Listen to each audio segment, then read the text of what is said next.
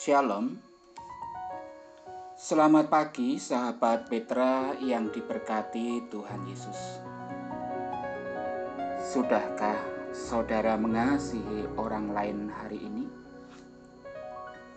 Pada embun pagi hari ini, Kamis 1 April 2021, kita kembali bersama akan membuka hari ini dengan sapaan Sabda Tuhan bersama saya, Pendeta Agung Putiarta dari Gereja Kristen Jawa Keponagung, Minggir, Sleman, Yogyakarta. Adapun tema renungan hari ini adalah kemenangan melalui salib berdasar dari bacaan Wahyu 12 ayat yang ke-11. Namun demikian, sebelum kita mendengarkan firman Tuhan, mari kita siapkan hati dengan memohon penyertaan Tuhan di dalam doa. Mari kita berdoa. Tuhan Allah Bapa kami yang bertahta di kerajaan surga. Di saat pagi yang cerah ini, kami bersyukur atas hari baik serta atas kesehatan yang boleh kami peroleh setelah kami dibangunkan dari tempat kami berbaring. Sebelum kami hendak memulai segala rencana dan kegiatan kami, kami akan mendasarkannya melalui tuntunan sabdamu.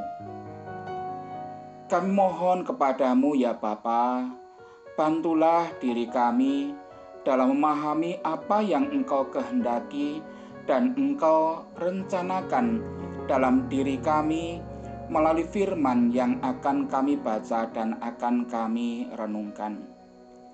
Hingga firman itu bisa menjadi pedoman bagi langkah kehidupan kami. Sehingga dalam kami melihat agar kami bisa melihat dengan caramu.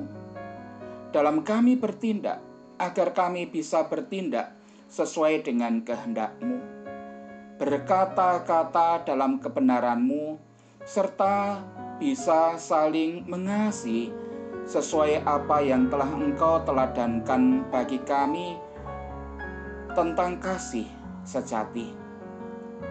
Semoga kami bisa menjadi perpanjangan tangan kasih-Mu, menebarkan kasih kepada sesama kami, serta bisa membawa kabar baik, kabar sukacita bagi mereka yang membutuhkan. Di dalam nama putramu, Yesus Kristus, kami memohon pengampunan di dalam dosa-dosa kami, dan doa ini kami naikkan. Amin. Sahabat Petra yang diberkati Tuhan Yesus, Hari ini Kamis 1 April 2021 umat Kristiani memasuki ibadah Tri Hari Suci. Hari ini kita bersama akan mengadakan ibadah atau misa Kamis Putih. Saat momentum yang baik bagi kita untuk kembali merenungkan jalan penderitaan yang harus dilalui oleh Yesus Kristus menuju kesengsaraan, kematian, dan kebangkitannya. Adapun tema renungan Sabda Tuhan kemenangan melalui salib didasarkan melalui kitab Wahyu 12 ayat yang ke-11 yang demikian firmanya. Dan mereka mengalahkan dia oleh darah anak domba dan oleh perkataan kesaksian mereka. Karena mereka tidak mengasihi nyawa mereka sampai ke dalam maut. Sahabat Petra yang diberkati Tuhan Yesus, hampir di setiap rumah umat Kristiani terpasang salib, baik itu di ruangan tamu, di ruangan kerja, di kamar tidur atau di ruang tidur. Demikian yang juga saya lakukan di rumah. Hampir di setiap ruangan di rumah saya pasti ada tanda salib atau salib. Bahkan juga ada beberapa yang kemudian di mobil sering dijumpai ada aksesoris yang berupa salib.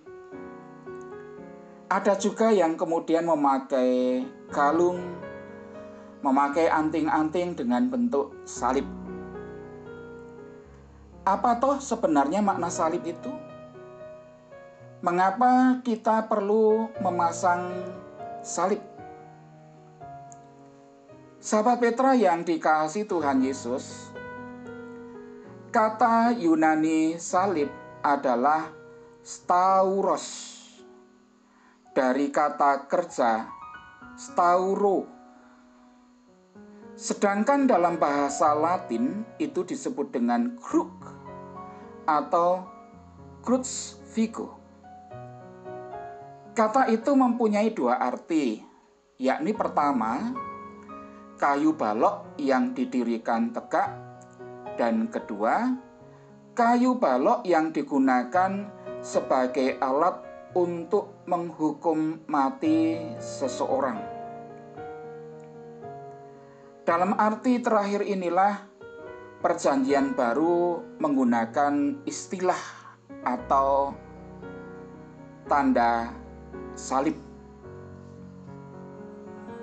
Manakala kita berbicara mengenai salib Kristus, sering kali kita mengacu pada balok-balok kayu yang digunakan sebagai instrumen ketika Tuhan Yesus Kristus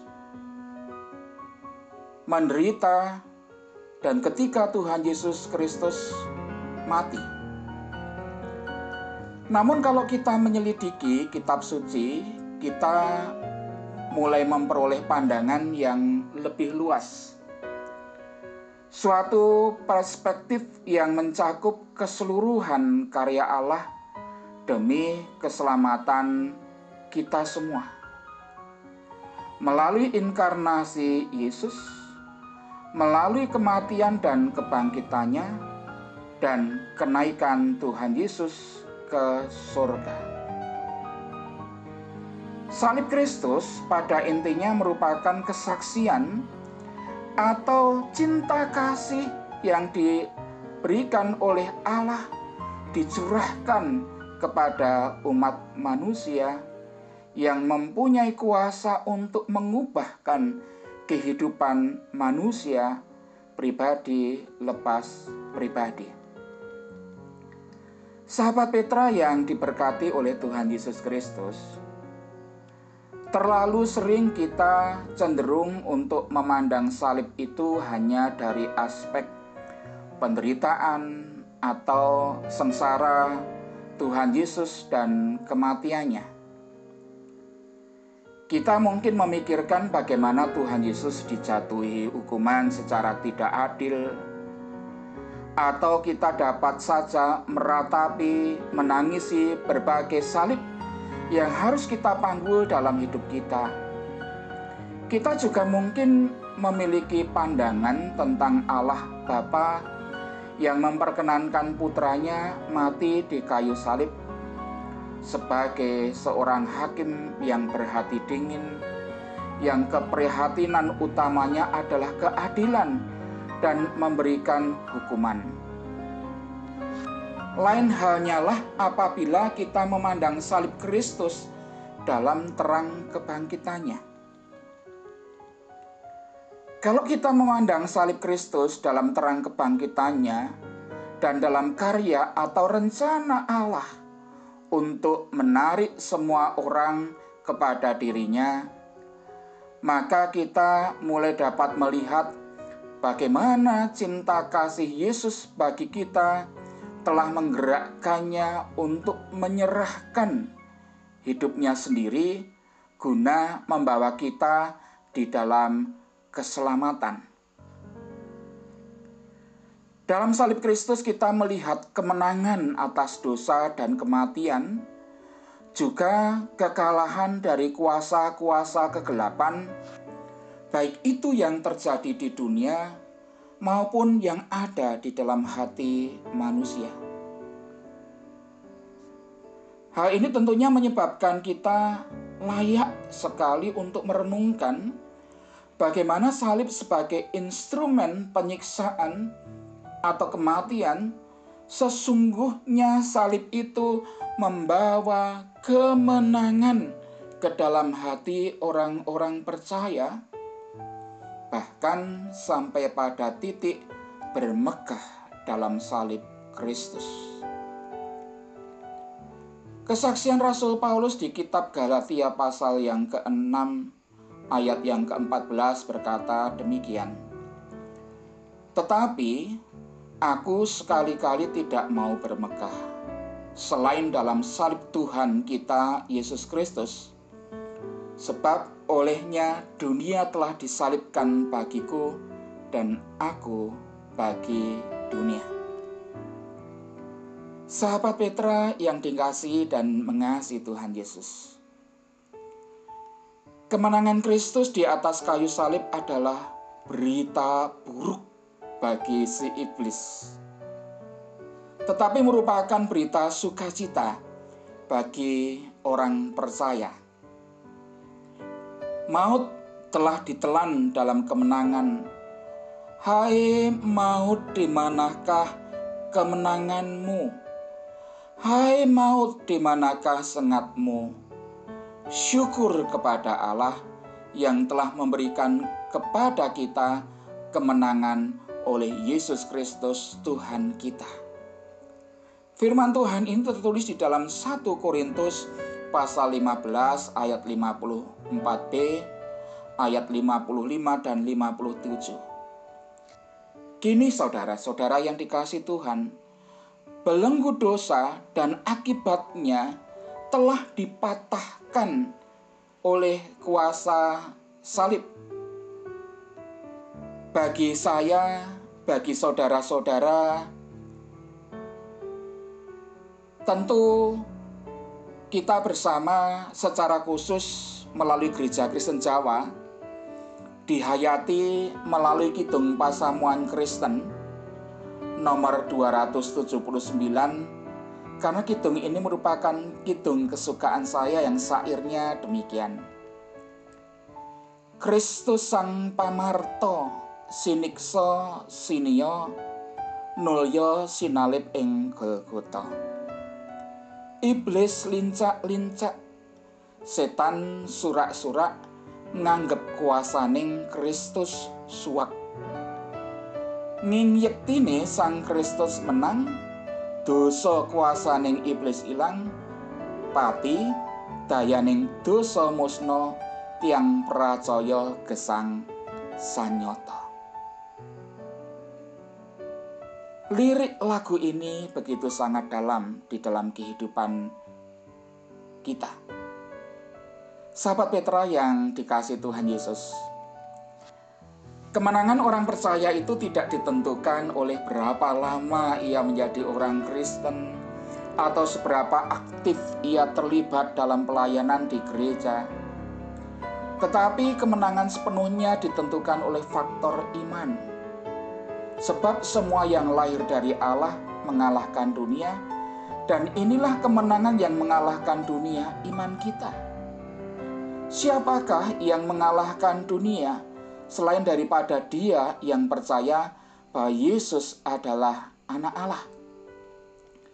Berbicara tentang iman tak lepas dari apa yang disebut dengan ketaatan saudara. Karena firman Tuhan juga mengajarkan kepada kita, jika iman itu tidak disertai perbuatan, maka iman itu pada hakikatnya adalah mati. Asal hidup kita taat maka tak ada yang perlu ditakutkan, saudara. Sebab kemenangan kita bukan tergantung keadaan yang ada di sekeliling, tetapi tergantung seberapa dekat hubungan kita dengan Tuhan. Karena Tuhanlah yang membawa kita kepada jalan kemenangan. Jika Allah di pihak kita, siapakah yang akan melawan kita? Kata lawan ini bisa berbicara tentang masalah demi masalah yang terjadi di dalam kehidupan kita. Kesulitan demi kesulitan yang ada di dalam kehidupan kita, penderitaan yang kita alami di dalam kehidupan, atau bahkan orang-orang yang memiliki rancangan buruk di dalam kehidupan kita. Muncul pertanyaan bagi kita, mengapa masih banyak orang Kristen yang kemudian hidup di dalam kekalahan? Karena masih banyak orang Kristen yang kurang memahami secara benar siapa dirinya itu di dalam Tuhan. Ini karena terjadi banyak orang Kristen kurang memiliki persekutuan yang erat dengan Tuhan. Artinya kita itu sangat berharga dan istimewa di mata Tuhan. Karena firman Tuhan juga mengatakan, "Berbahagialah orang yang engkau pilih dan engkau suruh mendekat untuk diam di pelataranmu. Kiranya kami menjadi kenyang dengan segala yang baik di rumahmu, di baitmu yang kudus." Sahabat Petra yang dikasih Tuhan, memang pandangan umum salib memang adalah aib atau memalukan, bahkan ada yang mengatakan menjijikkan. Dan ini sesuai juga dengan firman Tuhan, sebab pemberitaan tentang salib memang adalah kebodohan bagi mereka yang akan binasa. Tetapi bagi kita yang diselamatkan, pemberitaan itu adalah kekuatan Allah. Hari ini kita memasuki hari yang begitu indah bagi kita, sebagai peringatan bagi kita untuk menghayati perjalanan Tuhan Yesus Kristus di kayu salib. Tri hari suci yang mestinya menjadi bagian kita untuk kemudian kita merenungkan kasih Allah di dalam kehidupan kita. Karena salib adalah kemenangan bagi kita. Salib memperoleh cahaya dan arti baru di dalam kehidupan kita.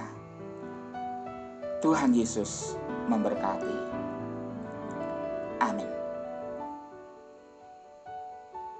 Sahabat Petra yang dikasih Tuhan, setelah kita mendengarkan sabda Tuhan, mari kita kembali berdoa. Tuhan, Allah kami yang bertahta di kerajaan surga, saat ini kami berdoa memohon tuntunanmu untuk memulai hari ini di lingkungan di mana kami diutus dan kami berada. Tolonglah kami supaya tetap menyinarkan kemuliaan-Mu dan berbuat benar serta sesuai dengan kehendak-Mu. Oleh sebab itu ya Tuhan, kami mohon supaya Engkau memberikan penyertaan pada kami di dalam kami bekerja di sepanjang hari ini. Hindarkanlah kami dari perbuatan buruk, namun biarkan kami melakukan yang baik dan yang berkenan di hadapanmu. Berkatilah Radio Petra yang selalu menemani kami, membagi cinta kasih kepada kami semua. Terima kasih ya Tuhan, kiranya kasih-Mu melingkupi setiap kami, serta memberikan penyertaan dari Roh Kudus yang menguatkan serta meneguhkan kami untuk tetap menjadi terangmu di lingkungan kami. Ampunkan segala dosa yang ada di dalam kehidupan kami. Di dalam Yesus Kristus, kami sudah berdoa dan mengucap syukur. Amin. Demikian sahabat Petra yang diberkati Tuhan Yesus. Embun pagi pada hari ini Kamis 1 April 2021.